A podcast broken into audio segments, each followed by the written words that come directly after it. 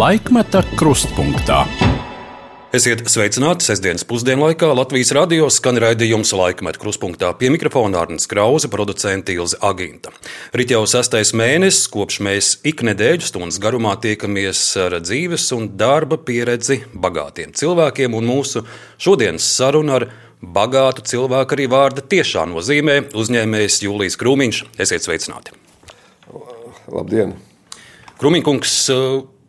Ar ko jūs šobrīd nodarbojaties? Šobrīd nodarbojaties. Nu, ļaudis varētu domāt, nu, kas miljonāram nekaiš uh, senioru vecumā, diez vai viņš ir pamanījis, ka šonadēļ benzīna cena litrā ir pārsniegusi 2 eiro. Diez vai Jūlijas Krūmiņš domā par apkurss rēķiniem rudenī, bet kā, kā ir patiesībā? Nu, es, es pašlaik varu pateikt tikai vienu, un es atceros savu māmu, kad jau 80. gada 5. 86. gadā es biju kļuvis par bagātu, nopircis jau, jau žigulu un, un, un labi pelnīju. Es mammai teicu, nu, māja, nu, beidz strādāt, tev jau ir 70 gadi. Viņa bija visu mūžu, viņa, bija, viņa gāja uz vidzemes tirgu, kur viņa tirgoja, izaudzēja puķes un, un ņēma no, no kaimiņiem un tirgoja. Viņas teica, dēls, ja es gulēšu mājās, neko nedarīšu, es nomiršu. Es nevaru, es esmu jau iegājis tajā rutīnā, ka ne. Nu, tāpat tās ir apmēram ar manīm. Ja.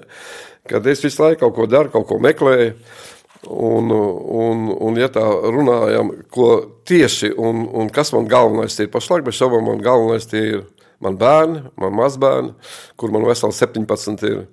Eh, es, es, jo, agrāk es domāju par izglītību, un to tagad arī skatos, kādu arodiņu var ieņemt. Jo katram cilvēkam no dieva ir ielikts iekšā kaut kas, uz ko viņš ir spējīgs. Ne? Jo daudzi cilvēki ir ir kā briljanti, ja, kas negrib, ka viņi slīpē. Ja. Jo tie briljanti, kas jau spīd, un tie tādi kā Raimons Pauls, un tie, tie jau ātri iziet, bet ir cilvēki, kurus ir jāslīpē, ir jāmāc, jāatrod pareizais viņa arots un, un palīdz. Tāpēc es tagad ar, nodarbojos ar bērniem un ar mazbērniem. Jā. Un, un man ir liels prieks, ka man mazmeitiņa, Santiņa, Viņa pēc manas palīdzības, ja piecu gadu laikā jau arī kļūst par miljonāru. Viņai šodien ir 2,5 miljonu poundu jau uz rēķina. Jā.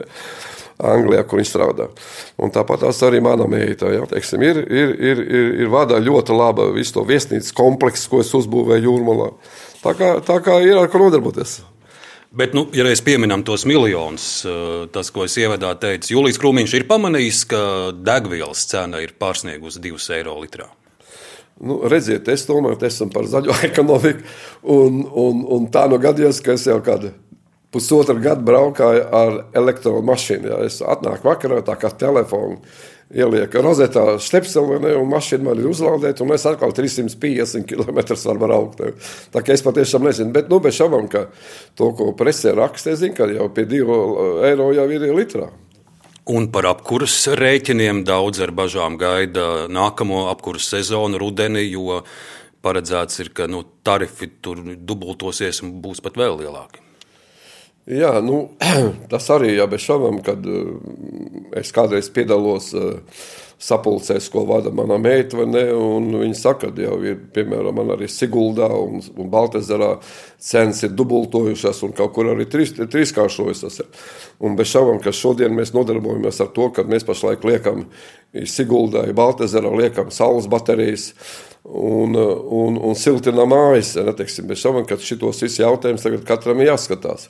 Bet, bet, bet tas ļoti žēl, ka mēs neizmantojam savus bagātās krātuves, un neteiksim to par Šinču kalnu. Un, un to, ka mūsu lēmēji vara ir bez mugurkaula, kas nepieņem lēmumus. Un, un kad mēs palaidām lejuši un, un, un, un ligāņu sev priekšā, tas ir žēl.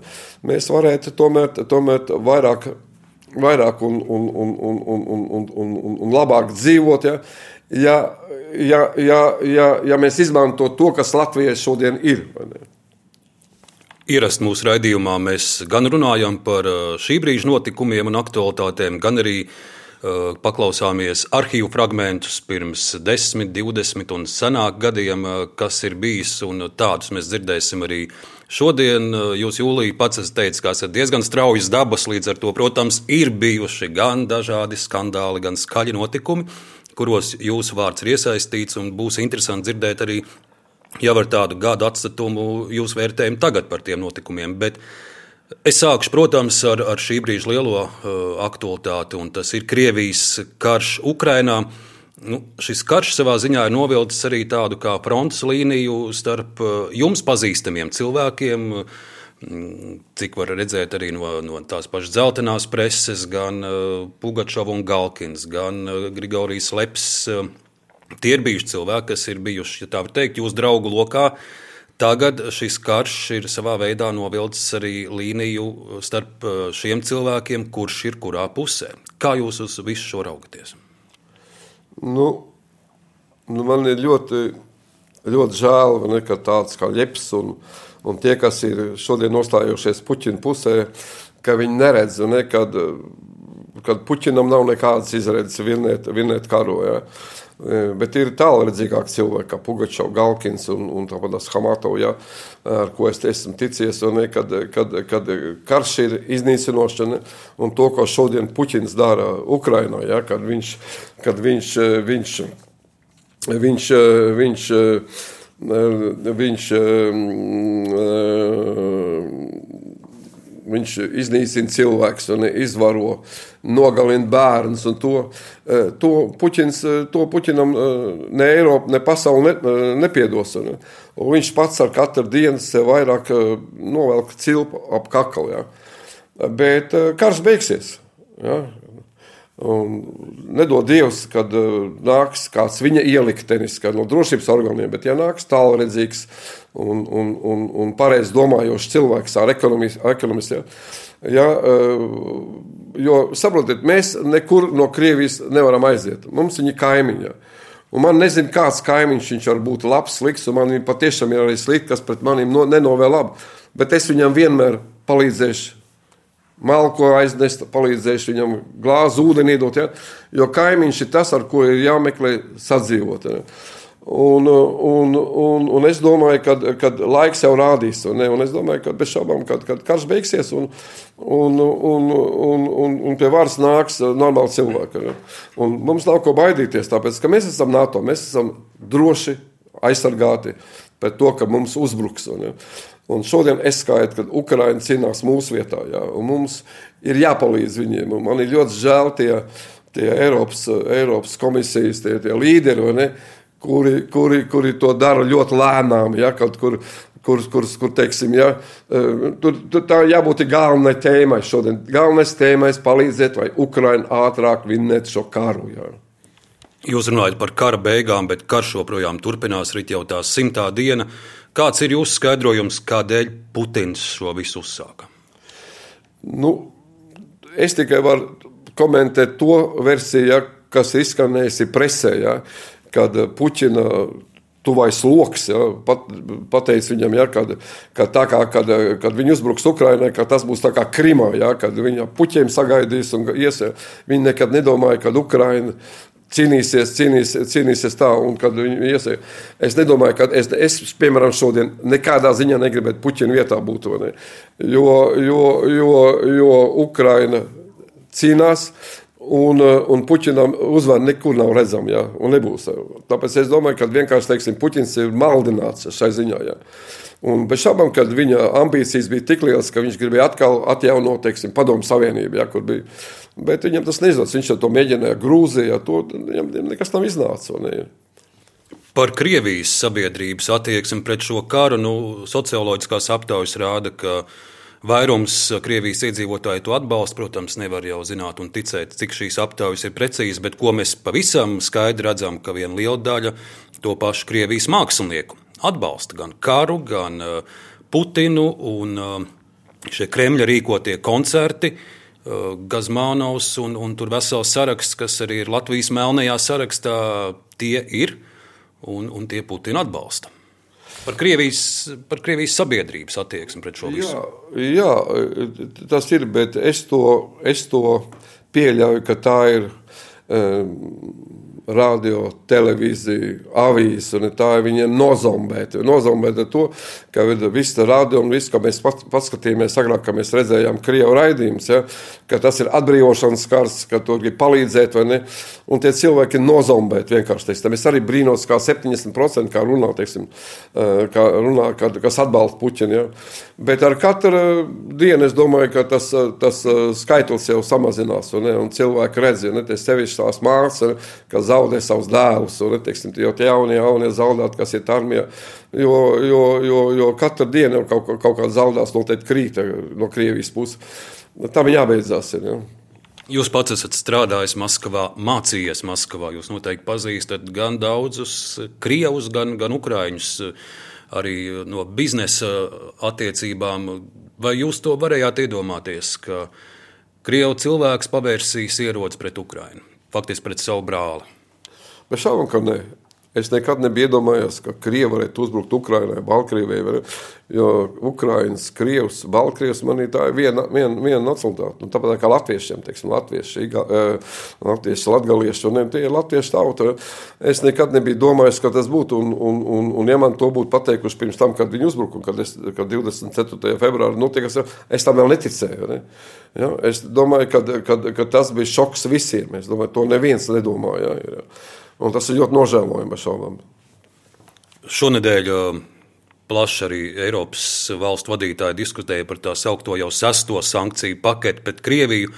Šobrīd ir runa arī par uh, naftas uh, piegāžu pārtraukšanu no Krievijas. Šīs sankcijas, jūsuprāt, vai tās kaut kādā veidā vispār ietekmē Putina lēmumus, vai tās ietekmē arī Krievu iedzīvotāju noskaņojumu, vai, vai šīm sankcijām ir, kāda redzama, ir kāds redzams efekts?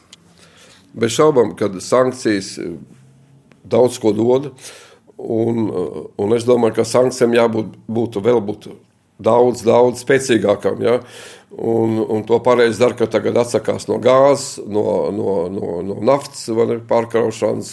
To, jo, jo, jo neviens to nevarēja domāt, un nekad nedomāja, ja, kad, kad mēs esam tik atkarīgi no Krievijas gāzes, jo mēs pa lēto pirkam gāzi, pa lēto pirkam naftu jau, un šodien daudzām valstīm, sevišķi Vācijai, un tur uh, viņi nezina, kā izdzīvot. Ja. Un, un, un, un šodien bez šaubām, kad, kad jāmeklē ir, ir varianti. Jāmeklē varianti zaļā enerģija, jāmeklē varianti, kur ievest sašķidrinātā gāze. Uh, tas ir, tas ir sāpīgs jautājums, jā, bet sankcijas obligāti palīdz un vajadzētu vēl stingrākas viņas un uh, sankciju ietekme uz uh, Latviju, uz mūsu ekonomiku. Jums ir bijusi liela biznesa pieredze uh, tieši saistīta ar tranzīta jomu. Kādu jūs redzat šo Krievijas kara ietekmi uz, uz Latvijas ostām, uz mūsu tranzītu, uz mūsu ekonomiku? Nu, tranzīts šodien mums Latvijā ir, ir, ir ļoti sliktā stāvoklī, tomēr Latvijas ostas, ne, tāpat tā kā, tā kā, tā kā Leišu ostas, ne, un, Un tomēr bija, bija, bija tradicionāli, viņas, viņas bija domāts no, no austrumiem uz rietumiem un no rietumiem uz austrumiem. Šodien Krievi ir uzbūvējuši savus ostas Kaļiņgradā, eh, Pēterburgā ja, un citur, un viņi mēģina savu turienu pārkraut. Nu, pašlaik arī, arī ļoti liels eh, kraus gājis ar Somiju. Es domāju, ka arī Somijam tagad vajadzētu, viņi iestājās naktā, arī viņam vajadzētu pārtraukt pārkraut, ja, Krievu kraus, lai, lai viņi ātrāk beigtu to karu. Ja. Bet, bet, kā jau teicu, ne, tas karš beigsies. Un, ne, nu, nu, nu, nu, nebūs viņš vairāk ilgi. Ja. Un, un, un, un, un cerēsim, ka nāks pie varas normāls vadonis, ja, un kad, kad varētu atkal izmainīties ir, ir tranzīta jomā, ir kultūras jomā, zinātnes jomā. Jo, jo, jo, jo karš jau nu, vienmēr ir laicīgs, ne, viņš nav mūžīgs nekad. Ja. Es nezinu, cik jūs pats šobrīd esat uh, aktīvs biznesā, bet vai uh, šis Krievijas sāktais karš Ukrainā ir kaut kādā veidā ietekmējis arī kādus jūsu plānus, vai, vai darījumus, vai sadarbību ar partneriem austrumos? Nē, man nav, nav jo es pašlaik strādāju ar, ar vāciešiem, ar itāļiem, ar, ar kazakiem. Ja, un arī, arī, arī ar uzbekiem. Ja. Man, man, man sevišķi, sevišķi, sevišķi nu, nav, es, es bez šaubām, kā viņi sauc, ka es, es dabūnu vairāk maksāt par elektrību, vairāk maksāju par tādiem, bet, bet arī tā peļņa, ko es saņemu, ja, man, es, es nejūtu viņu, man nav tāda. Tāpat arī man bērni pašlaik, teiksim, vasarā šodien, teiksim, man ir Baltezers, viss ir izīrēts, viss jūrmāls viesnīca, man ir pie 200 numuriem, visi viņi ir izīrēti. Es, Neraugoties uz to, ka Krievijas turisti šobrīd nevar dabūt vīzas. Jā, jā. Neraugoties uz to, ja un, un, un Krievija tā brauc Ukraiņu iekšā, brauc iekšā uh, Somi, brauc iekšā uh, Igauņu lēšana, un, un, un, un, un, un, un viss notiekās, teiksim, ja. Bet šabam, kad nav tās naudas, kas bija, kad bija jaunais vilns, un ne, kad, kad, kad tu varēji pa numuru prasīt tur 300 eiro dienā, nu, tagad mēs izdomājam pa 150, pa 200 dienā, ja. Bet, bet cilvēki ir, ja, mēs izdzienējam savus apartamentus, un, un cilvēki, cilvēki jau jau sāk jau kaut kur, kaut kur jau martā, jau, jau februārī jau sāk jau pasūtīt numurus. Ja. Tā kā viss ir. Ja reiz jūs pieminat jauno vilni, tad uh, jūs bijāt ļoti aktīvs un kaislīgs jaunā viļņa apmeklētājs arī vai, vai kaut kas tam līdzīgs kā jaunais vilnis vēl kādreiz jūrmalā ir iespējams, ir sevišķi pēc vis tā, kas tagad ir noticis. Zini, jā, nekad, nesaka nekad. Jā. Jo, jo, jo dzīve iet, un varbūt tas manā mūžā tas nebūs. Jā. Bet es domāju, ka tas jaunais vilnis nebija slikts, slikts koncerts. Kāda notikās jūrmala, visa dzīvoja, Rīga dzīvoja, un, un, un patiešām patiešām krutojs, kas bija. Viņš pirmo savu, savu 2001. gadā, kad taisīja jauno vilnu, viņa dzimšanas dienu, mēs vinējām Baltezerā, tur bija Galkins, tika jauns, vēl puika bija Pugočiem, viņš bija pie maniem Baltezerā, jā. Un, un, un, un es neredzu neko sliktu, ja mēs, teiksim, rīkojam tāds koncerts, jā, teiksim, jo tā atkal ir naudas aprit, jā. Cita lieta, kad, kad varbūt tās, kad mūsu valdība, valsts, teiksim, drošības dienas, ja, nu, nepateica dziedātājiem, ka nedrīkst dziedāt to vai to dziesmu, kas būtu pretī, pretī. Ja. Bet uh, muzikanti nedziedāt, ja pateikt, ka būtu, bet nevis uzreiz tā paņem un noņem, noņem, noņem no, no, nost, nost pielaid, kad viņš nedrīkst iebraukt. Ja. Jo, jo nu, saprotiet, dziedātājs viņš savā savu balsu uh, pelna naudu. Ja. Un es domāju, ka arī pie puķina viņš iet dziedāt, viņi man maksā par to naudu. Ja, teiksim, un viņam jāizdzīvo. Ja. Vai tas šodien mums ir kādi muzikanti, es tagad daudz palīdzu daudziem, teiksim, ja, arī laimais palīdzēja, ka taisīja uh, randevu vai ne. Uh, tagad arī, teiksim, mēs šogad gribējām viņiem taisīt randevu, bet nu, laime laim atcēla viņu. Bet, eh, bet es domāju, ka tas viss ir priekšā un ka droši vien, ka maniem bērniem, mazbērniem vēl jūrmalā būs, būs vēl koncerti un mēs dzirdēsim visu to. Vēl viens uh, stāsts, par kur es gribētu dzirdēt jūsu pārdomas. 9. maija, 10. maija, viss, kas notika Pārdagovā pie okupācijas pieminekļa un uh, jūsu domas, kas ar šo pieminekli būtu jādara. Nu, faktiski saimnieka jau ir lēmusi, Bet kāds ir jūsu skats? Nu, es pateikšu vienu, kad sakarā to, ka Krievija uzbruka Ukrainai, šis ir piemērotākais brīdis viņu nojaukt. Un, eh, bet es varbūt tās, eh, bez šaubām, ka ir iespējams viņu vienkārši uzspridzināt un nojaukt. Ja? Es tomēr meklētu citu izēju, es tomēr citu izēju. Es labi atceros, ka kad mēs ar māti vēl, vēl, vēl teiksim, 70. gados, 80. gados, ja, 18. novembrī gājām uz meža kapiem un svecītas likām, likām Jāņa Čaksta pie prezidenta, bijušā pirmā prezidenta, ja, pie turienes, kur bija KGB bija aizaudzinājis ar kokiem un gājām likt. Ja. Jo es skaitu tomēr, kad kad tomēr mums Latvijā 30% ir krievalodīgo, ja, kas ir. Ja. Un ļoti lielai daļai no viņiem teiksim, ir gājuši bojā vecāki. Tur, kad es, es to pieminiektu pārceltu uz, uz Salaspils memor, memoriālu ja, un uzlikt viņu tur, lai tie cilvēkiem būtu, kur vieta aiziet.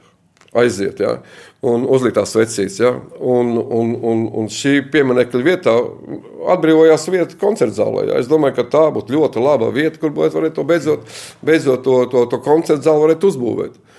Lūk, tāpēc, tāpēc jo, jo agri vai vēlu ne, beigsies šī, šī, nu, šī situācija ja, un, un, un būs paģirs. Ja, Un nevajadzētu šķelt sabiedrību pārāk. Tāpēc būtu jāmeklē, jāmeklē tomēr kaut kāda izējas punkts.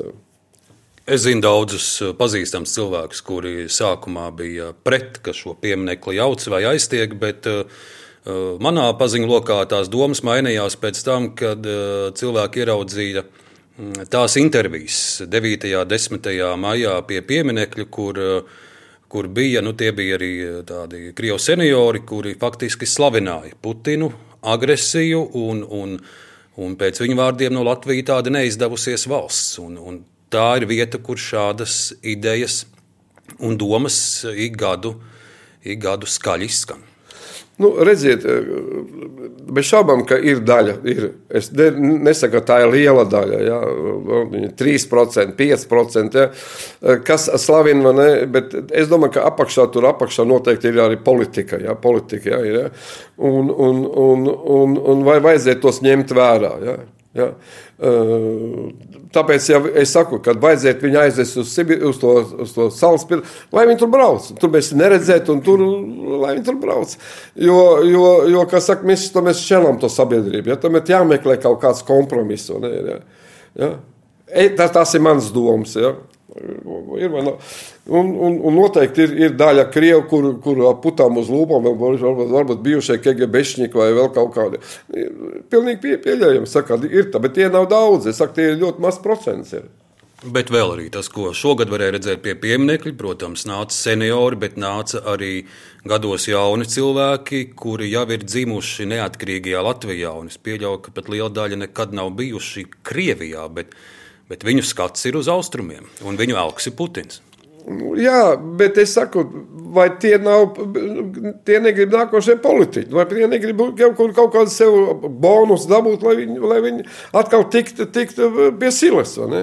Lai tiktu saimā. Es, es, es nedomāju, ka šodien jaunais, kas nav redzējis, teiksim, Krieviju, kas nezina, kad es atceros, kad es biju, teiksim, jau 70. gados, kad es tikko strādāju Maskavā par, par direktoru, un man te Rīgā bija jāuzstājās kaut kur, kaut kur kol, kolhozos, ja, un tur bija atbrauc otrais sekretārs, jo mums bija, teiksim, atbrauc tur min, e, e, ģenerāla direktors no, no, no Mosfilm, ja, Sizovs, un tad bija lika man runāt krieviski. Man bija pretīgi, ja, ka man bija jārunā, teiksim, krievi valodā. Ja. Ja? Un, bet tie jaunie, es, es, saku, es neredzu, es nedomāju, ka, ka, ka, ka tie nopietni būtu jāņem, jā, jāņem, jāņem, jāņem. Cits jautājums ir šaubām, kas man druskuļi uztrauc. Ne? Tas man uztrauc, kad Latvijā, kur cilvēki klausās, un, ne, teiksim, televīzijas, krievalodīgā un klausās tur, ka tur daudz cilvēku arī sapņo par Krieviju tur vajadzētu palīdzību. Bet es arī viņus varu saprast, jo tur ir nabadzība. Ja, tur, ir, tur viņi ir novērst to, ka, nu, ka maizītē kapeiks tur skaita. Ja. Tur vajadzētu tomēr valdībai piešķirt kaut kādu lielāku uzmanību tos, tos latgals, tos, tos ciematus, kuri palikuši, teiksim, divas, trīs mājas, vai ne, ja. Nu, nu, jābaidās, vai ne, jābaidās, bet es saku, es, es, es, es tā neesmu iedziļinājies tādās jautājumos. Arī. Mūsu raidījumā skan arī arhīvu fragmenti, un pirmais arhīvs būs akurāti par Latvijas un Krievijas attiecībām. 1997. gada pavasaris, atgādināšu, toreiz pie Rīgas domas bija pārsvarā krievalodīgo pensionāru protesta akcija vai pikets, un uh, mums nesen arī radījumā bija bijušais policijas priekšnieks Jūras Rekšņa, kurš teica, ka viņam ir skaidrs bijis, ka tā ir bijusi speciāli izraisīta provokācija, jo it kā tie policisti, kas tos pensionārus ir grūstījuši, kad viņi pēc tam mēģināja atrast tos policistus, tādi Policijas rindās vairs nebija. Bet, nu, lūk, tas, bija, tas bija liels troksnis. Krievijas televīzijās tika rādīts, kā, kā Rīgā apspiež krievu pensionārus, un neilgi pēc šī notikuma tiek rīkots teletilts starp Rīgu un Maskavu. Toreiz raidījumu vada Krievijā zināmais žurnālists Vladimirs Pozners. Un, uh, Šajā teletiltā piedalās arī Raimons Pauls, aktrises eh, Lilita Ozoliņa un eh, Vija Artmane, un arī uzaicināts ir uzņēmējs Jūlijs Krūmiņš. Paklausīsimies fragment. Vienai otrai pusē jānomierinās un jāsāk kaut kāds dialogs. Jo situācija nav patīkama, viņa ir pat kritiska kaut kur. Jā. Jāapsver viss šī situācija. Un, un jāsēžas pie galda. Es citu ceļu neredzu. No sākuma jāatrisina ekonomiskās jautājums, un tas ir tieši, no, ir tieši jautājumi, tie, kas ir šodien primārie, tie ir, kad normalizēt attiecības ar Krieviju. Un, un, un ekonomiskie jautājumi, tas ir tranzīta jautājumi, kas man visvairāk uztrauc. Es esmu viņiem parādā, es viņiem 3, 4, 5 aprīlī izrādi neaizvedu. Es gribētu viņiem pateikt, ka es viņus mīlu tāpat, un es ceru, ka viņi savu interesi par mani arī nav zaudējuši. Es gribētu pateikt, lai viņi turās vīrišķīgi pretīt pret mulsināšanu, bet paliek draugi, kā līdz šim bija. Nu, lūk, Vija Artmans saka, ka, lai krievu cilvēki turās pretī mulsināšanai, jeb varbūt tai propagandai, kur mēs arī šodien dzirdam, 25 gadu sena vēsture. Kā mums dzīvot, sadzīvot ar mūsu austrumu kaimiņu? Es jau to teicu, ne, ka bez šaubām, ka bez propagandas, ja, bez uh, kaut kāda scenārija, ja, kas uztaisīts, kad, kad pēkšņi parādījās Krievijas televīzija, ja, kad tas tiek parādīts Krievijas rādījos. Bez šaubām, ka tas bija uzrakstīts scenārijs, un, ne, un noteikti arī Reksa laikam pareizi teica, ne, ka ir, tas, ir, tas, ir, tas ir jau iesludēts. Ne. Jā, bet es tā, tā kā arī toreiz teicu, arī teicu ne, ka tomēr mums Latvija Latvija vienmēr ir bijusi teiksim, ir viens no, no peļņas avotiem, tas bija tranzīts. Ne, ja? Un es kā biju Mantes ostas prezidents un pārkrāvu vairāk kā pusmiljonu, pusotru miljonu tonnas kravas. Ja? Es biju interesēts tieši tranzīta jomā. Un, un, un tagad tas tranzīts nav. Un kā jau teicu, ne, karš beigsies un, un cerēsim, ka pie Krievijas pie varas nāks, nāks normāli cilvēki kas nav saistīts ar KGB, ar, ar drošības dienestiem. Šobrīd daudz tiek domāts, kā mazināt uh, atkarību no Krievijas, gāze, nafta. Un nākamais arhīvu fragments ir no 2005. gada septembra. Tas ir stāsts par to, ka ir ideja Latvijā būvēt mums pašiem savu uh, benzīnu rūpnīcu, jo līdz šim mēs degvielu iepirkām no mažēķiem. Izskan divi varianti. Viens ir par Jēlgavu, otrs, eh, ka šāda naftas pārstrādes rūpnīca varētu būt Ventspīlī. Un 2005. gadā par šo ideju izsakās arī Mantes prezidents Jūlijas Krūmiņš. Paklausīsimies! Utopiski viņi tik ilgi, kamēr nebūs partneris Krievijai. Un es atkārtošu vēlreiz, ko es vienmēr esmu teicis. Latvijas attīstība nav bez kaimiņa.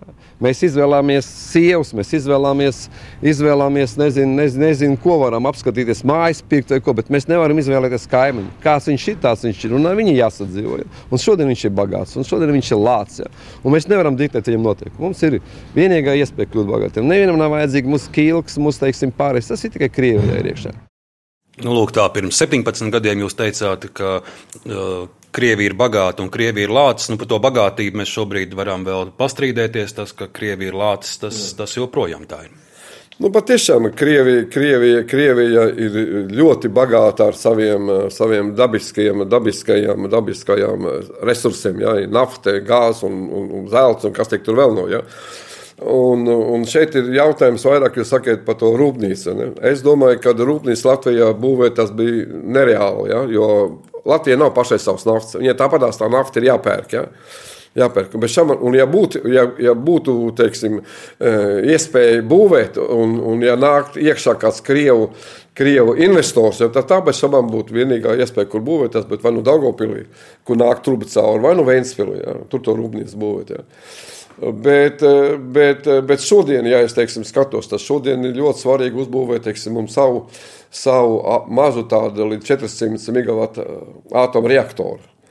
Es skaitu, jo, saprotiet, bez elektrības jūs nevarat ne tikai, ne tikai mājas uzcept, ne, bet arī neviena ražošana. Neviena ražošana nevar strādāt bez to. Ja.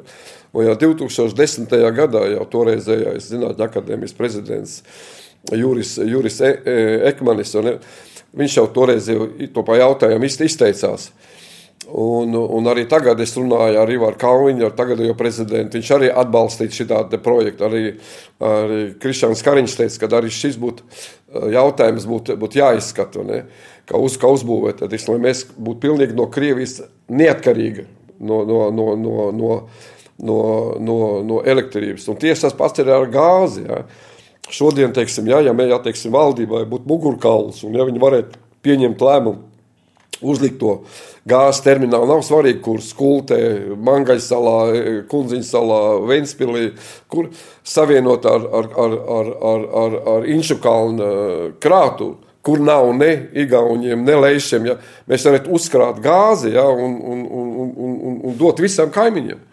Mums pilnīgi pietika. Ja? Bet tur vajadzīgs ir lēmums. Tur vajag pieņemt lēmumu, ko mēs esam nogulējuši. Ja? Tagad ar to nodarbojās jau Leišs, un Leišs jau to uzbūvēja. Un tagad arī Leišs grib būvēt arī to atomreaktoru. Ja? To vajag uzbūvēt tādu nevisai lielu. Jo es cik es atceros, vēl 90. gados vēl bija, jau, kad, kad jau Pāvēlos tāpat iezina kaut kādu mietu arī gribēja taisīt. Bet tur cilvēki bija pret. Bet, eh, bet tās ir vislētākā, vislētākā ir, jo mums, viņi, mums bez tās mēs nevaram, nevaram, nevaram izdzīvot. Ja? Un par vēja enerģiju, vai Jūlijam Krūmiņam arī nav bijis doma pie, pie, pie uh, Siguldas mājas kādu, kādu propelleru uzlikt, lai būtu neatkarīgs? Nu, tieši tieši pašlaik, kad jūs ņemiet man interviju, ja, pašlaik man cilvēki liek saules baterijas. Jā, respektīvi, Siguldā viņi aprēķinājuši, ka te uzliks saules baterijas. Man tas izmaksā kā 13,000 eiro. Es tikko viņi palaidīs, man vairāk par elektrību nav jādomā, jo man tur ir zemesūknis un visu, visu elektrības patēriņš man, man seks. Ja. Un tikko viņi tur pabeigs likt, es arī Baltezerā jau arī tāpat komanda liks man saules baterijas, liks tur par vēja ģeneratoru. Es neesmu domājis, jo, laikam, jo tas jau ir laikam tirgs, ja tur ir jau ir citi, citi cilvēki, kas to nodarbojās. Ja. Arī dažs labs bijušais premjeras. Jā, jā, arī viņš jau, jā, nu, lai, lai nodarbojās. Nu. Jā. Bet es priekš teiksim, priekš savu, teiksim, kur es samazinātu, es to daru. Jā. Mūsu nākamais arhīvu fragments, kur kopīgi noklausīsimies, būs no 1997. gada janvāra. Nu, ļaudis to ir pamanījuši, ka Jūlijas Krūmiņš ik pa brīdim iekuļas kādos skandālos, kur ir arī politika un politiķi. Un šķiet, šķiet, ka vismaz es arhīvā, cik meklēju, šis ir tāds pirmais, kur parādās jūsu uzvārds, tad 97. gads. Un uh, Demokrātiskā partijas saimnieks uh, tolaik paziņo, ka Jūlijas Krūmiņš ir izraisījis uh, politisko krīzi, esot slepeni ticies ar prezidentu un noskaņojis Gunti Ulmani pret saimnieka jauno finanšu ministru Vasiliju Meļņiku. Nu, klausītājiem jāatgādina, kur vairs neatcerās tos laikus. Um, Vasilijs Meļņiks amatā bija vien tikai trīs dienas. Nu, paklausīsimies, kāda bija toreiz jūsu reakcija, jūsu komentārs par uh, saimnieku apvainojumiem, ka jūs esat izraisījis gluži vai valdības krīzi. Nu, tas ir pilnīgs muļķības. Jo, jo man jau vairākas reizes ir to teikuši, bet uh, es vienkārši biju kancelējā un pie maniem bija. Man pa ceļam, teiksim, pie Raimonda, kad es gāju pie Raimonda Palma, man noķēra Silvija Dreimana un, un teica, kādas man domas par Meļņiku. Es vienkārši pateicu, ka man liekas, ka Meļņika neapstiprinās, jo Šēls kungs būs pretīm. Un, jo es pats mēģināju nepazīstu, bet, ja saimnieks to ir izvirzījis, varbūt tas, ka viņi ieliks vai ne, bet es personīgi mēģināju nepazīstu un es par viņu nebalsotu. Viss. Vai jūs runājat arī ar prezidentu par Meļņiku? Nē, ar prezidentu es neesmu ticies kopš Amerikas brauciena. Šo notikumu, šīs politiskās kaislības atminaties vēl? Nu, es atceros, es tur druskuļi bez šaubām meloju. Vai ne meloju ar to, ka es viņu nepazīstu. Es mēģināju labi pazinu, jo tad, kad, tad, kad, tad, kad, tad, kad saimnieks tika dibināts, ne, pie maniem uz viesnīcas mantas vecīgā bija atnāk, atnācis Kaža toreiz, Kaža un, un, un Meļņiks. Ēriks Kaža, jā, bija tā. Kaža, jā, un, un, un Meļņiks bija atnākuši, un, un, jo es biju, biju, biju, biju pret, pret tiem nostādījumiem, ja, ko viņi abi man lika. Viņi man teica, Jūlija, tev pieder mantas, tev pieder šī smukā viesnīca, teiksim, tev tur pārkrājumi kokvilni, tu tur to un to un to. Viņi saka, mums saka, gribās. Un eh, Mēļņiks eh, teica, es gribu to kuģa remontu rūpnīcu man uh, sarkandaugu, kārstēs es gribu um, ogras trikotāšu fabriku, ja? mums saka ko gribās, ka bija, ja? un bez šaubām ar šitādu attieksmi, to, ko viņi teica, neteiksim, ja? man bija pret viņiem tāds pilnīgi tādu, nu, pret, pret vai ne, un, un, un es, es arī savu viedokli nu, pateicu kaut kur politiķiem, kur vai ne, kad, kad Ar, arī esmu... prezidentam? Es tagad neatceros vairāk, tas bija tik sen atpakaļ, ka es tagad neatceros. Ne, teiksim, jā. Jo, jo nebūs, jo saprotiet, ir, tomēr ir, ir, ir katrā, katrai valdībai ir jāizvēlas, teiksim, ir, ir ministri un jāizvēlas to, cik es zinu, Eriks Kaža pēc tam bija ekonomikas ministrs, Meļņi gribēja pa finansi ministru. Ja. Saprotiet, nav, ja, Ot, piemēram, es labi atceros, piemēram, Ingu un Sudrabs, ja kur, kur atnāca pie maniem un, un teica, un jūlijā viņš saka, es esmu prokuratūrā iesniegus 30 krimināla lietas, kas ir izakta, tur ir gan arī miljards izakts no valsts budžeta nauda. Ja? Un prokuratūra nav ierosināta nevienu lietu. Ne? Viņa saka, es gribu kaut ko darīt, es zinu, kas ir jādara. Palīdzi man. Ne? Un es sāku palīdzēt. Kas ar to beidzās? Beidzās ar, ar cietumu. Ja? Man iesēdināja uz divām diennaktīm cietumā. Ja? Par to, ka es palīdzu Ingūnai, negribēju būt ne pa ministru, neko. Vienkārši es palīdzēja viņai, lai viņa lai, lai savāktu cilvēku, savāktu naudu, lai būtu. Manā politiski izreģinās. Bez šaubām, ka, ka manā draugs saka, viņš saka, Jūlija, viņš saka, tavu mēli, tavs ienaidnieks. Nu, droši vien, ka tā ir taisnība. Bet es esmu tādā vecumā, ka manā pie vienas vietas tas viss ir. Ziniet, ja.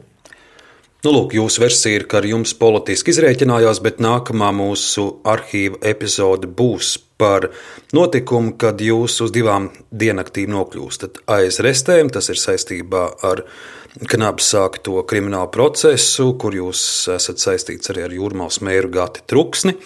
Un arhīvu fragmentā mēs dzirdēsim, ko jūs žurnālistiem sakat, iznākot no divu dienu būšanas izolatorā.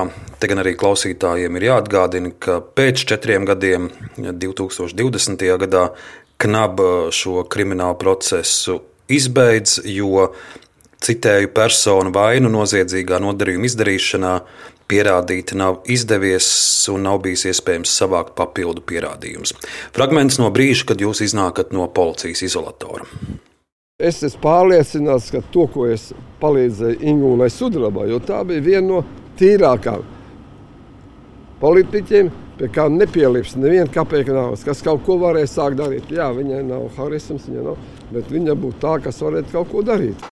Jūs esat palīdzējis, kā minējāt, Ingūnai Sudrabai, arī pēc preses ziņām spriežot Ivetai Grigulai, kur kandidēja uz Eiropas parlamentu. Tagad ar tādu laika atstarpi vajadzēja to darīt. Nu, ziniet, es nekad nenožēloju. Man patīkās Raimons Pauls, teksim, ja, viņš teica, ne, kad mēs viņu kādreiz braucām mašīnā, kaut kur es saku, Raimond, tu, tu tagad klausies tavu muziku, reku spēlē, ja? kā tev ir sajūts? Viņš saka, zinu, ko jūlu. Viņš saka, tikko es viņas palaidu eh, efīrā, es viņu aizmirstu. Tāpat arī es, aizmirstu. Un dzīvoju rītdienā, ja teiksim, es, es neskatos, kas ir bijis, un es, es skatos, kas būs rītā, kas ir šodien. Es nedomāju, nožēlo, nenožēlo, nu, ko tas līdzeklis, ko es nožēlošu. Nu? Pat ja ir eh, diezgan liela nauda ieguldīta kādā jā, idejā. Jā, tieši tā, tieši tā, kaut kā arī nauda. Ja mēs tā sakām, Grigulas projekts vai, vai Sudrabas projekts, eh, tos jūs uzskatāt par veiksmīgiem, neveiksmīgiem no savas pieredzes? Nu, es domāju, ka tas nebija veiksmīgākie projekti manējie. Tie nebija. nebija. Bet tā toreiz dzīvē tā iegadījās, kad man nāca, man pārliecināja, mani, un, un, un es to izdarīju. Jo es zināju, ka tie cilvēki, par ko es runāju, viņi, viņi kaut ko mēģinās darīt. Tur es gribu ne tik daudz, ja? bet par sudrabs es esmu simtprocentīgi pārliecināts. Ja? Viņi patiešām ir godīgi, un man ir ļoti žēl, ka valdība neatrod viņai šeit darbu, ja viņai tagad ir, ir jāstrādā citā vietā.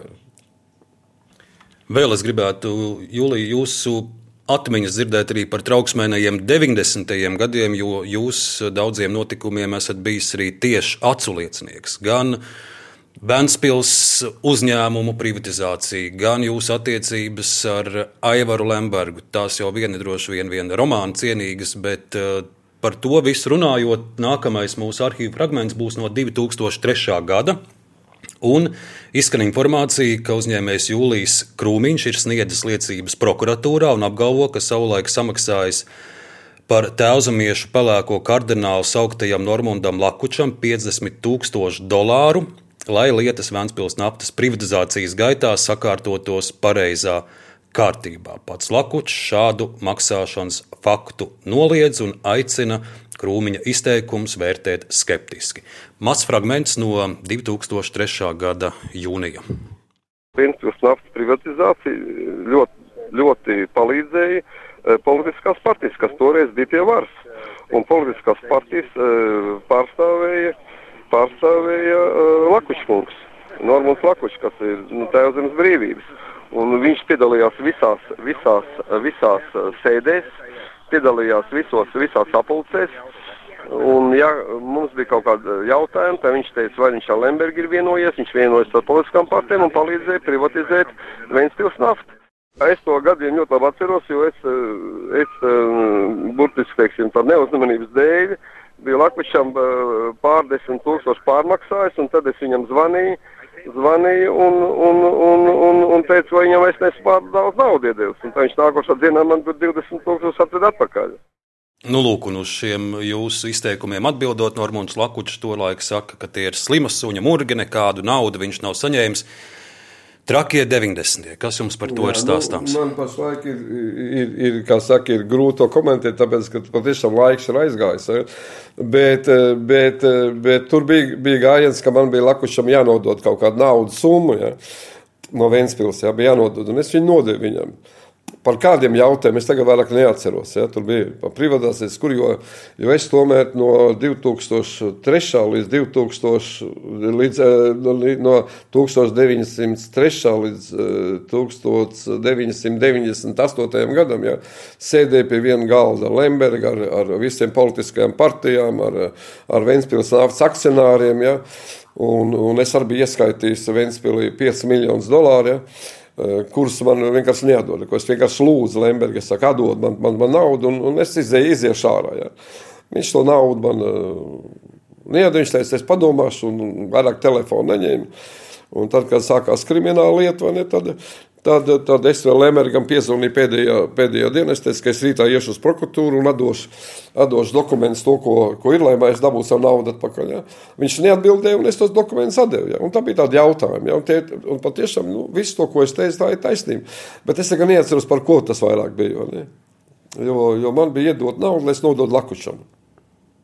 Jūs minējāt, ka jūs ar Lembergu sēdējāt pie viena galda jā, 90. Jā, gadu jā, sākumā. Tas ir tad, kad visa, visa privatizācija sākās. Jā. Kas ir tas, ko, ko jūs tur pieredzējāt? Nu, nu saprotat, eh, Lembergs, nu, viņš, eh, viņš kādreiz kavēja, ja, un mēs jau tur nospriedām, sākām runāt. Bet, kad ienāca Lembergs, viņš pateica, būs tā un viss. Ne. Tur, tur nebija, nebija cits doms, tur bija viena cilvēka uh, vadīt sapulci un, un ko es gribēju. Jo es jau atklāti sakot, jau, jau grāmatā rakstīju, es jau negribēju nemaz tam Vēncpils naftas privatizācijā piedalīties. Bet tā kā man Ainārs Gulbis bija parādā kaut kāda liela, diezgan liela naudas summa, un viņš man piedāvāja 28%, kas viņam tajā laikā piederēja. Ja. Un, un man vienkārši man padomnie, padom, padomdevēja teica, tu aizbrauc ar Lembergu aprunājies. Un, kad es par Lembergu atbraucu un pateicu, Aivar, es saku, man piedāvā par, parādu to 28 tūkstoši. Ja. Bet es negribu līdz iekšā tur jūsu problēmās jūsu biznesā. Ja. Nē, viņš saka, tas ir, tā būs, tā būs, tā būs zelta strāva. Viņš saka, es tev apsolu par katru ieguldīto dolāru 15%. Ja. Ja, un, un trešajā gadā tu būsi iekšā visos visās schēmās, teiksim, ja kaut pārkrauj kravas un ne, tu saņēmis arī dividendus. Un es piekrītu.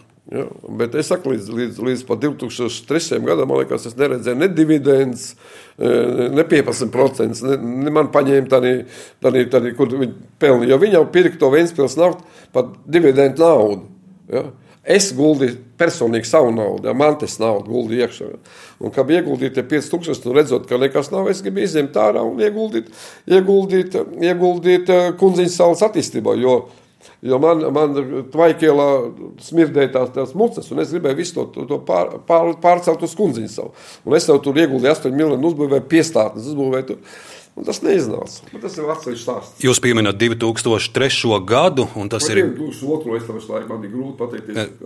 Jūs pieminat 2003. gadu, un Jā. tas ir gads, kad uh, jūs kā pirmais no uzņēmējiem sākat presē atklāti runāt un teikt, ka Aivars Lembergs patiesībā jau daudzus gadus ir īstais daudzu Ventspils uzņēmumu uh, saimnieks, slēpti, bet naudu viņš saņem. Un, uh, Toreiz intervijā jūs sakat, es esmu pateicis vien to, ko visi sen jau zina. Uh, pirms tam ir uh, prokuratūra arī šos faktus pārbaudījusi. Nekas netiek atklāts. Un jūs arī žurnālistiem neslēpjat, ka par Lembergu esat sācis runāt tādēļ, ka viņš ir sācis apdraudēt uh, jūsu biznesu, un kā jūs tolaik teicāt, Lembergs grib man visu atņemt. Arī fragments no 2003. gada māja.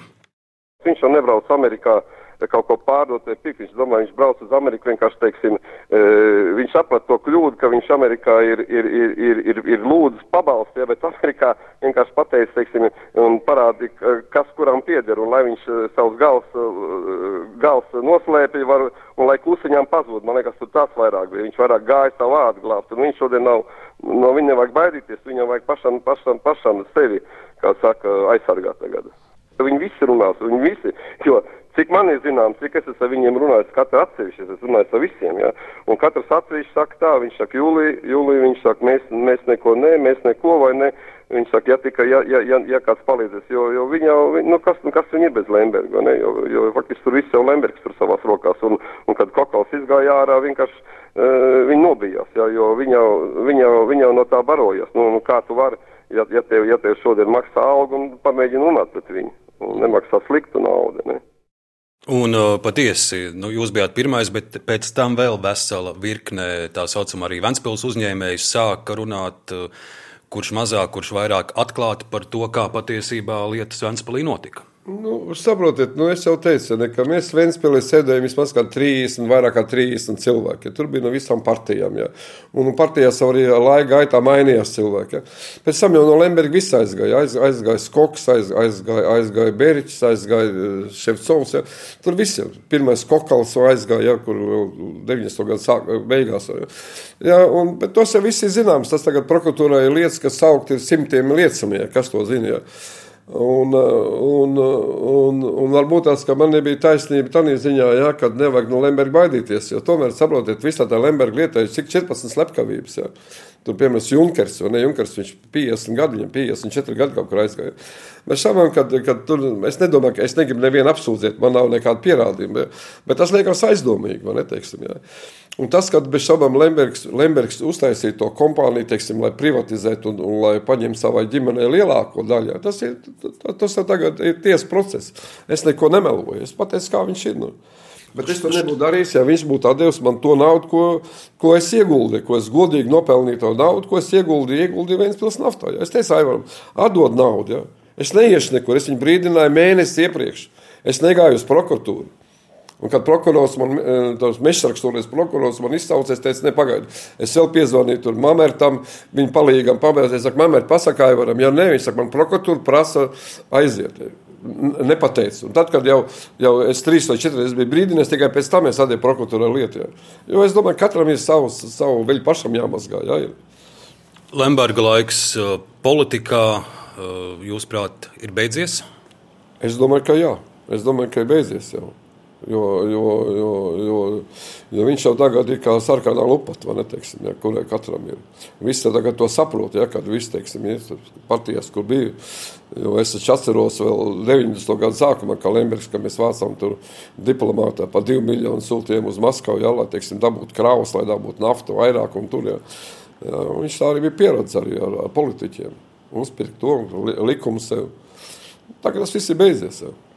Šie 90. gadi ir zināmi, zināmi arī ar tā saucamajiem Vēncpils grupējums, un otrs puses bija Valmīras grupējums, tad Lembergs un Šķēle. Kur jūs tur visur bijāt? Jūs bijāt pie Vēncpilsniekiem, jūs bijāt kaut kur pa vidu? Vai? Es, es, es biju pilnīgi atsevišķi. Es nebiju ne ar Vēncpilsniekiem, ne ar, ne ar Valmieriešiem. Es vienkārši strādāju. Es vienkārši, teiksim, ja, kā, kā es teicu, man, Jau, jau 91. gadā, maija mēnesī, man bija Vācija uz konta, man bija jau 6,5 miljoni. Un tad, kad rudenī Latvija ieguva neatkarību, man bija izvēle, ko darīt. Vai, vai dzīvot uz naudas lauriem, vai kaut ko darīt. Bet tā kā es to naudu nopelnīju tranzītā, es sāku nodarboties ar tranzītu. Es ar, ar, ar prezidentiem braukāju līdzi pa, pa, pa, pa citām valstīm, Uzbekistānu, Kazahstānu. Un dibinājām kontaktus un, un, un, un, un me, meklējām kraus. Jo saprotāni, kad, kad, kad manā biznesā, kur es piedalījos, ja, viss bija atkarīgs no personīgiem kontaktiem. Ja. Un, un vai viņš te uzticās vai neusticās. Ja. Jo tāpat Kazahstānā man, piemēram, krava, man bija kravas pārpār 200 miljoniem dolāru, visu laiku stāvēja tur, man stāvēja 100, 100 tūkstoši kokvilnu kas maksā 1500 uh, dolāru tonnā. Ja. Man, man, man bija apmēram 45,000 naftas produktu. Ja, tur, ja. Pārējās visās produkts bija nodlaktavs pilns. Man bija gandrīz pie pusmiljārda dolāru visu laiku kravas. Un to katrs ja, īpašnieks, kam, kam viņas ir, vai, vai uzticēt, vai neuzticēt, jo tu esi privātais. Ja. Un par šo laiku atgādina arī publikācija laikrakstā Diena 1992. gads. Un, uh, dienā ir rakstīts, ka mēs gribam rakstīt par cilvēkiem, kas tiek pāri nevaru, negribu, neprotu. Un šeit ir apraksts par uh, uzņēmēju Jūliju Krūmiņu. Jums uh, diena vaicā, ar kādu biznesu pašlaik ir vērts nodarboties. Un Jūlijas Krūmiņš atbild ar jebkuru. Tagad ir tā kā Ostapa Bendera laikos. Vajag tikai pieliekties un pacelt naudu. Lai uzsāktu biznesu, vajag drusciņu nekaunības, drosmes riskēt un prasmi redzēt, ka no tā nāks peļņa. Nevinnē tas, kas neko nedara. Tā 92. gadā saka Jūlijas Krūmiņš. Jā, nu, tā patiešām uh, bija taisnība. Un, un no 98. gada uh, līdz pat teikt, 2000 gadam. Ja, nu, man bija tā laime, kad es strādāju Maskavā. Man bija ļoti daudz iestrādāt kontakti. Ja, kur bija dēli, kas bija lieli priekšnieki, priekšnieka dēli vai ne. Un, Un, un es vienā naktī nopelnīju miljonu. Vienā naktī, jā, viena telefona zvaniņš man iedeva 10,000 uh, dīzeļu, vai ne? Es pārdevu, nopelnīju miljonu 200 tūkstoši. Un tādas bija, teiksim, bija krāsainais metāls, dažād, dažādas kraus, ko es varēju vienkārši nopērkt, par, par rubļiem pirkt, par dolāriem pārdot. Jā.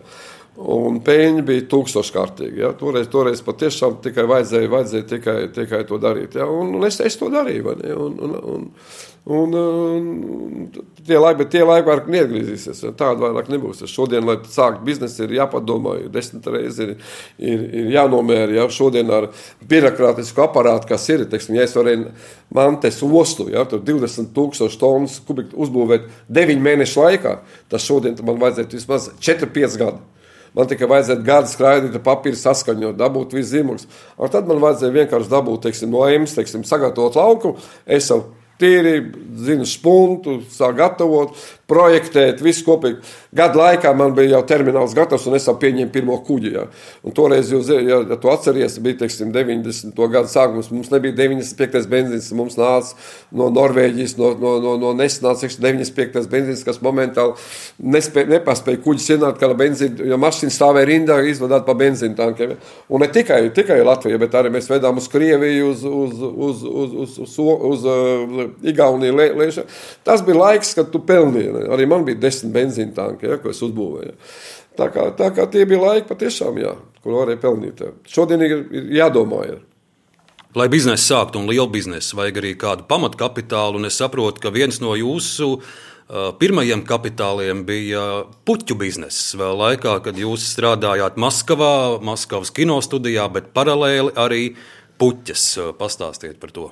Jā, tas patiešām bija. Jo es beidzu, beidzu studijas eh, un, un tilpu puspēļu, jau es beidzu 75. gadā. Tam bija vairākas filmas tur, tur, tur Krievijā. Bet, un es saprotu, ka jūs esat strādājis arī ar tādiem aktieriem kā, piemēram, eh, Visotskis. Jā, eh, tilpu puspēļu mēs esam gadā ar, ar, ar Valoģiju Visotski strādājām, ja mēs devām vairākus koncertus. Ja, un, Un, un, un, un, un, un, ne tikai ar viņu mēs strādājām. Ļaunovs, Jevgenijs Ļaunovs pie maniem pat dzīvoja, dzīvoja manā dzīvoklī, un es nevarēju viņu dabūt laikā dzīv, um, numuru jūrmalā. Uh, Un jūs bijāt, uh, lai klausītājiem skaidrību, filmas direktors, ja mūsu laikos tas būtu kā producents, kas visu savāc kopā. Nu, ja? nu, producents ir tas, kas dod naudu, bet mums jau toreiz naudu deva valsts. Neteiks, mēs bijām tā kā direktori. Mēs bijām trīs direktori. Es biju atbildīgs par, par Latviju, Igauniju un Lietuvu, jo filma notiks visās trijās valstīs. Man bija jābūvē dekorācijas, jā, jā, jāizliek cilvēku. Ne? Un, un pat tā bija cilvēks, kas nodarbojas Polijā, Amst Amsterdamā. Jā, un, un Krievija, kas taisīja. Mēs bijām trīs gabali. Un, un, un, un, un, un Belakvosek, tas ir ļoti daudz. Ļoti, nu, es visiem aktieriem, Smoktunovski, Lidogūra, nu viss, kas ir, kas, kas ir tas zies, un mēs visiem strādājam, kas strādājam. Ja. Un, un es gribu pateikt, teiksim, ja man tāda iespēja, teiksim, ka tie bija mans labākie gadi. Es atceros, ka naudas nebija, bet, bet, bet tu biji darbā, tev bija jābūt deviņos, es jau biju astoņos, ja, lai sagatavotu visu pareizi. Ne. Un tur man daudz ko iemācīja. Institūts man ļoti daudz ko iedeva. Jo iedeva, iedeva tās zināšanas, ekonomiskās zināšanas, kuras man nebija. Ja? Jo, jo, jo, un, un, un, un, tās, un tā direktora praksa, kur, kur man bija labs direktors, tā man, kā saka, es praksi un, un mācības apvienoju vienā, vienā gatavā, kas daudz ko deva. Bet jau drīz jums Maskavā bija arī uh, melna Volga un 600 rubļu alga, kas tiem laikiem bija ļoti liela. Jā, man Kur... Volga, bija, Volga bija šeit Rīgā melna. Saubina Volga bija. Jā, jā, jā. Es atceros, toreiz bija Lana, Lana 28. Tā bija, mums pat milicija pat neturēja, tā bija valsts Volga, ko mēs īrējām. Bet nu par tām puķēm? Jā, un, un, un tad jau sākās, sākās tā, tā kā es nopirku pirmo mašīnu, Un es braukāju no, diezgan bieži no Maskavas uz Rīgas Zigulu. Viņa kādreiz lūdza, un tad es vienā servisē iepazinos ar tādu, ar tādu savu draugu. Ar, ar, ar, un, un, mēs, un viņš man teica, Jūlija, bet pagaidi, tev māmai siltums, kāpēc tu nedzini tulpes? Un pirmo reizi es, viņš, man, viņš man pārdeva tūkstotis tulpes, es izdzinu un nopelnīju 4000. Respektīvi, respektīvi es nopelnīju kaut kas 3,5 tūkstoši.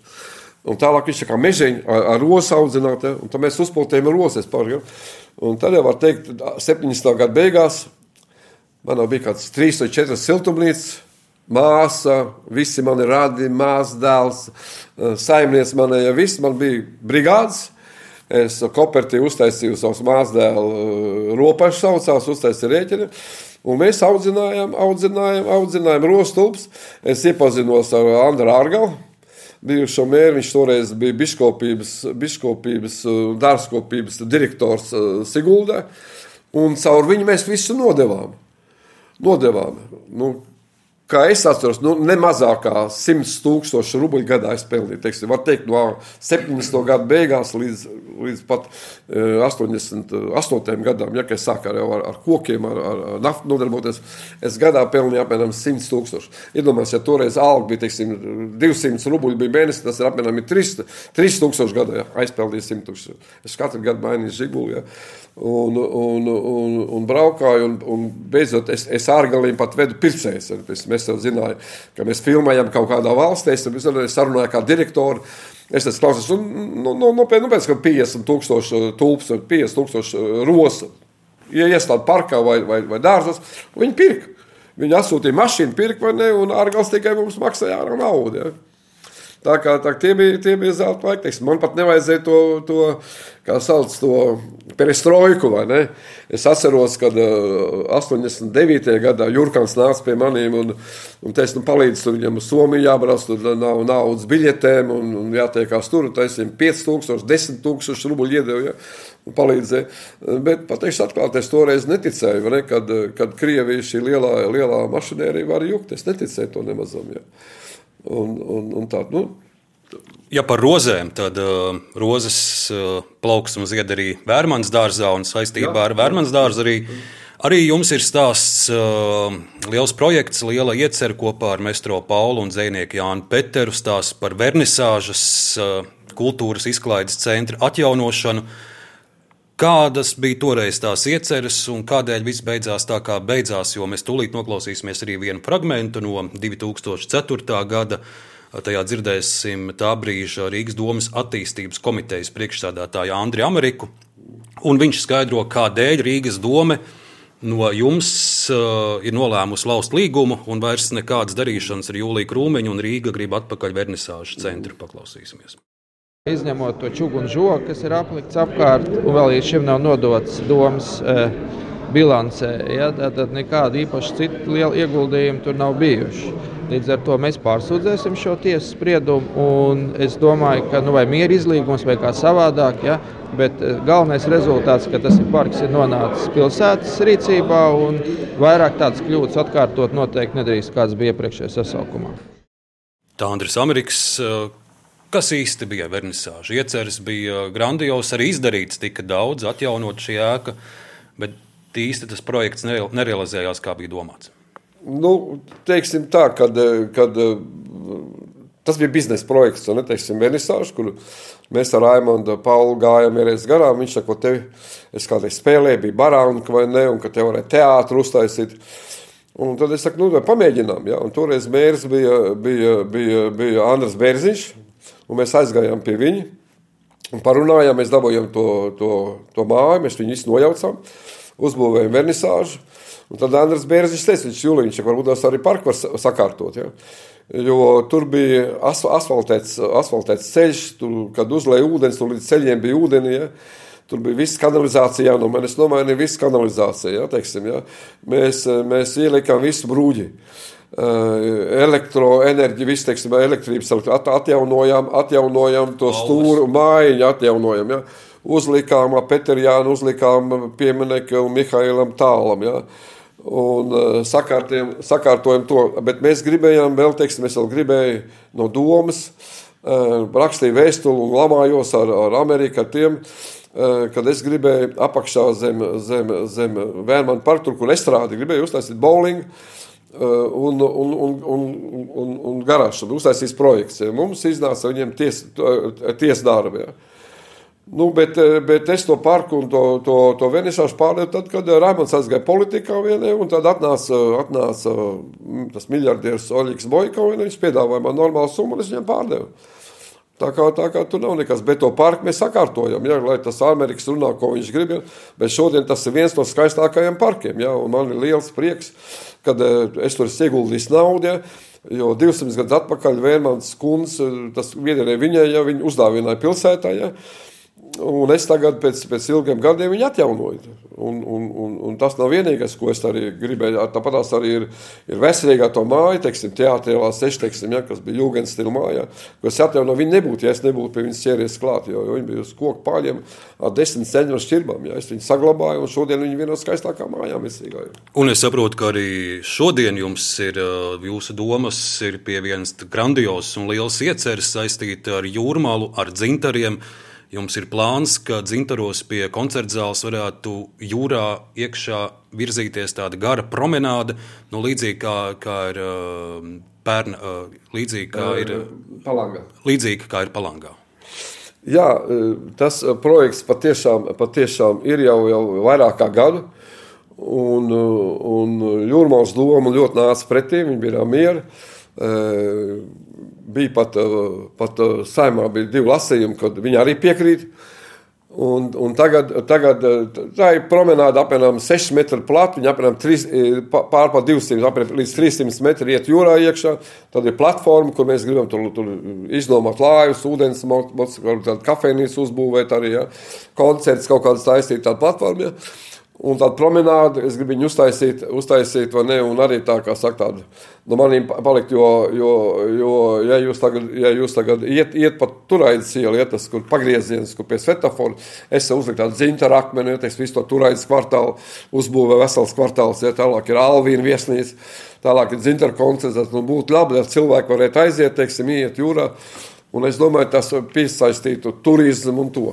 Bet šodien eh, nevar, nevaru nekādīgi, nekādīgi, nekādīgi pārliecināt ekonomikas ministriju un varam viņu tā kā, kā tādu karstu kartupeli, ja, met no viena uz otru un nevar pieņemt lēmumu. Ja, teiksim, bet es nevaru tikt klāt kariņam, ja, jo tur pilnībā pietiek ar vienu kariņu rīkojumu. Ja, kad, kad to jūras teritoriju, ja, kas faktiski vajadzīgs jūras teritorija, kad 5-6 hektāri, ja, ka to atdod jūrmala. Ja. Un tad tas viss ir noteikumi. Ja. Faktiski to vajadzēja dabūt. Nu, es, es ceru, ka, kad beidzot es dabūšu. Ja. Tad, nu, tas ir projekts ir diezgan dārgs, un tur apmēram 3-4 miljoni eiro, eiro vajadzīgs. Ja. Bet, Bet jūs, jūs prasat no valsts ar kādu naudu, vai jūs to visu Nē, pats esat to, gatavs to, darīt? To es, domāju, ka kad, kad, kad to es būvēšu, tad varbūt tas, jo to promenādi noteikti mēs sadosim jūrmalā. Ja. Varbūt jūrmalā kaut ko piedalīsies ar kaut kādu līdzfinansējumu, ja. bet promenādi mēs sadosim jūrmalā. Ja. Un vēl Krūmiņkungs, šis ir uh, saimnes vēlēšana gads, un zinot jūsu interesi par politiku un dažkārt arī iesaistīšanos dažādos politikas procesos, uh, kāds ir jūsu skats uz rudeni, kāda būs nākamā saima. Un, ja reiz pieminējām uh, Ingrīdu Sudrabu vai, vai um, citus, uz kuriem jūs esat liecis lielas cerības, vai, vai šajā rudenī arī jūs kādu stutēsiet, atbalstīsiet, vai beidzot būsiet tikai vērotājs no malas? Arni, tu man neķer pie vārds. Es nekad neesmu interesējies par politiku. Ja. Pa, po, eh, bet tā kā es neinteresējos par politiku, tad politika interesējas par maniem. Ja. Jo, jo, jo viena vai otra partija noteikti grib, lai kaut ko ieskaita. Nē, un tā viņi nāk, viņi kaut ko pārliecina. Nē, es vairāk neiesaistos nekādās politiskās, uh, politiskās spēlēs. Un, un atklāti sakot, es šodien neredzu. Ja. Es neredzu partiju, par ko es varētu balsot. Ne. Jo viss, kas ir nākusi pie varas šodien, kas ir, eh, kas ir, ir ne, viņi neviens nav turējis solījumu. Jā. Eh, es vienkārši varu vēlēties, to nekā es gribētu, un vienreiz, lai nāktu normāli saimē, ja? un saimē tomēr beidzot, beidzot pieņemt lēmumu, teiksim, ka mums ir vajadzīgs, vajadzīgs ir vēlēts prezidents. Jo saprotiet, šodien mēs vairāk kā 30 gadu, viss, kas ir bijuši, ne, mēs esam pēdējā vietā no Baltijas valstīm. Ja? un nav neviena vainīgā. Viss, kas nāk jaunie ministri, viņi visi saka, o, tas bija pagājušā, pagājušā. Būtu vismaz viens cilvēks. Es nesaku, ka pirmais prezidents būs tas, kas to darīs. Ja? Bet mums vajadzīga tāda kā Kārls Ulmans, tas ir, kas dzīvo divi stāv dzīvokļi, viņam divi uzvalci, ja? kas nedomā par to, bet domā par valsti. Mums vajadzētu cilvēku, kas patiešām domā par valsti, ja? Teiksim, ja? kas gribētu Lai, lai mēs, jo mums ir viss iespējas. Es zinu, es esmu simtprocentīgi pārliecināts, ka Latvijas ir zemnieks, viņš ir strādīgs. Viņi nav politikā. Bet vajadzētu tomēr, tomēr lai, lai, lai, lai, lai, lai, lai saima saprastu, ne, ka mums ir vajadzīgs. Un, un ļoti svarīgi, es, es šodien ceru, ja kad, kad nedēļa atpakaļ es redzēju, ka šodien, šodien tā darba tā LNK, ja, un kamera, un zinātņu akadēmija, un arotbiedrība, un, un, un, un, un pašvaldības ir uztaisījuši tādu memorandumu parakstījuši, ja, kur ir uzņēmēji, ja, kad valdība beidzot pieņems lēmumus, pieņems lēmumus, ir uh, ekonomisks jautājums, ļaus viņiem pieņemt, jā, viņi pieņems politiskos, jā, un, lai, lai, lai tomēr kaut kādā veidā, jo mums ir jās, mums jāizdzīvo. Mēs ar saviem septiņiem deputātiem, kuri ir 720 citās valstīs, kas domā par savām interesēm, mēs nevaram izmainīt valsti, bet mums ir jādomā, kā nopelnīt, kā izdzīvot, kā tam pensionāram samaksāt vairāk pensijā, kā, kā, kā uztaisīt vairāk darba vietas. Tie jautājumi jādara, jā, un es to varu darīt, es zinu, tas ir mans Tā ir mana profesija. Es esmu ekonomists. Es zinu, kas ir jādara. Jā. Bet, bet ir vajadzīgs ar ko runāt. Es nevaru tikt klāt ekonomikas ministram. Es nevaru tur. Tās ir atrunas, kā, kā saka. Es skaitā, ja cilvēks grib ir mieru, ierakta lāpstu, lāpstu, ļaujiet viņam. Ja? Bet lai tikai viņš nekaitē, lai nekaitē. Tāpēc, tāpēc nu, skatīsimies, vēl līdz, līdz vēlēšanas varbūt parādīsies kāds, kāds zvaigznes. Kā jūs raugaties uz tiem, kas jau ir bijuši politikā un tagad vēlas atgriezties atkal? Es neredzu. Es neredzu, kas ir bijuši un kas gribās atgriezties, kad no viņiem kaut kas varētu būt. Man nav ticības. Nav ticības. Saukļi jau ir labi, viņam viss ir daudz saukļus, bet, bet kas tur notiksies, es nezinu. Es neredzu nevienu tādu, kas eh, būtu mieru šodien atteikties no saviem īpašumiem, no saviem tu, un strādāt tur 12, 16 stundu valsts labā. Es neredzu tur nevienu tādu cilvēku. Arī. Es zinu, ka es kinostudijā strādāju. Ja? Es strādāju par 10, 12 stundām. Ja? Jo man patīk tas darbs. Es gāju uz darbu, man patīkās. Ja? Ja? Tāpēc, tāpēc ir, ir, ir, bet mums ir tie ierēģi un, un, un, Un, un, un, un, un, un, un, un visi saimnes deputāti, viņiem ir tās septiņas stundas, un tie iet mājās, to rīkojas ar savu, kas viņam ir interesi, kas, ko viņam vajadzīgs. Ir. Viņam problēmas ir kā bērnam izglītība, kā paļ. Es nevaru, es, es, bez šabām varbūt tās, tas tā vulgāri izklausās, bet es nevaru 2-3 tūkstoši eiro mēnesi izdzīvot. Es nevaru. Es personīgi nevaru. Ja. No, tikai cigāriem 2,5 tūkstoši aiziet mēnesī. Ja. Bet, bet, bet kā tas pensionārs, kas saņem to nezinu, 800 tūkstoši eiro, kā viņš izdzīvo? Kas samaksā par elektrību? Kur no 800? Daudziem ir 200, 300. Es, es, es, es, es tā, ja.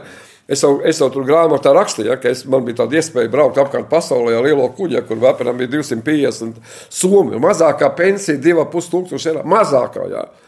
Tur bija pa 5-6 tūkstoši pensionāriem. Tad ir, ir, kāpēc mūsu vecie cilvēki nevarētu braukt apkārt pasaulē? Jā? Pa ziemu, jau vasarā mājās. Kad tāda laika pienāks, ka mūsu seniori varēs braukt ar kruīzes kuģiem? Nu, es neredzu pašlaik, vismaz manā laikā droši vien, ka nē. Mēs kādam vienam, divam varat izmaksāt. Lūk, ar šādu skatu uzņēmējs Jūlijas Krūmiņš. Jūlija, liels paldies jums par sarunu. paldies! Jā, labi. Radījuma autors Arnēs Krause, producente Ilza Aginte par skaņu rūpējās Rēnis Budze. Paldies un turpiniet klausīties Latvijas radio!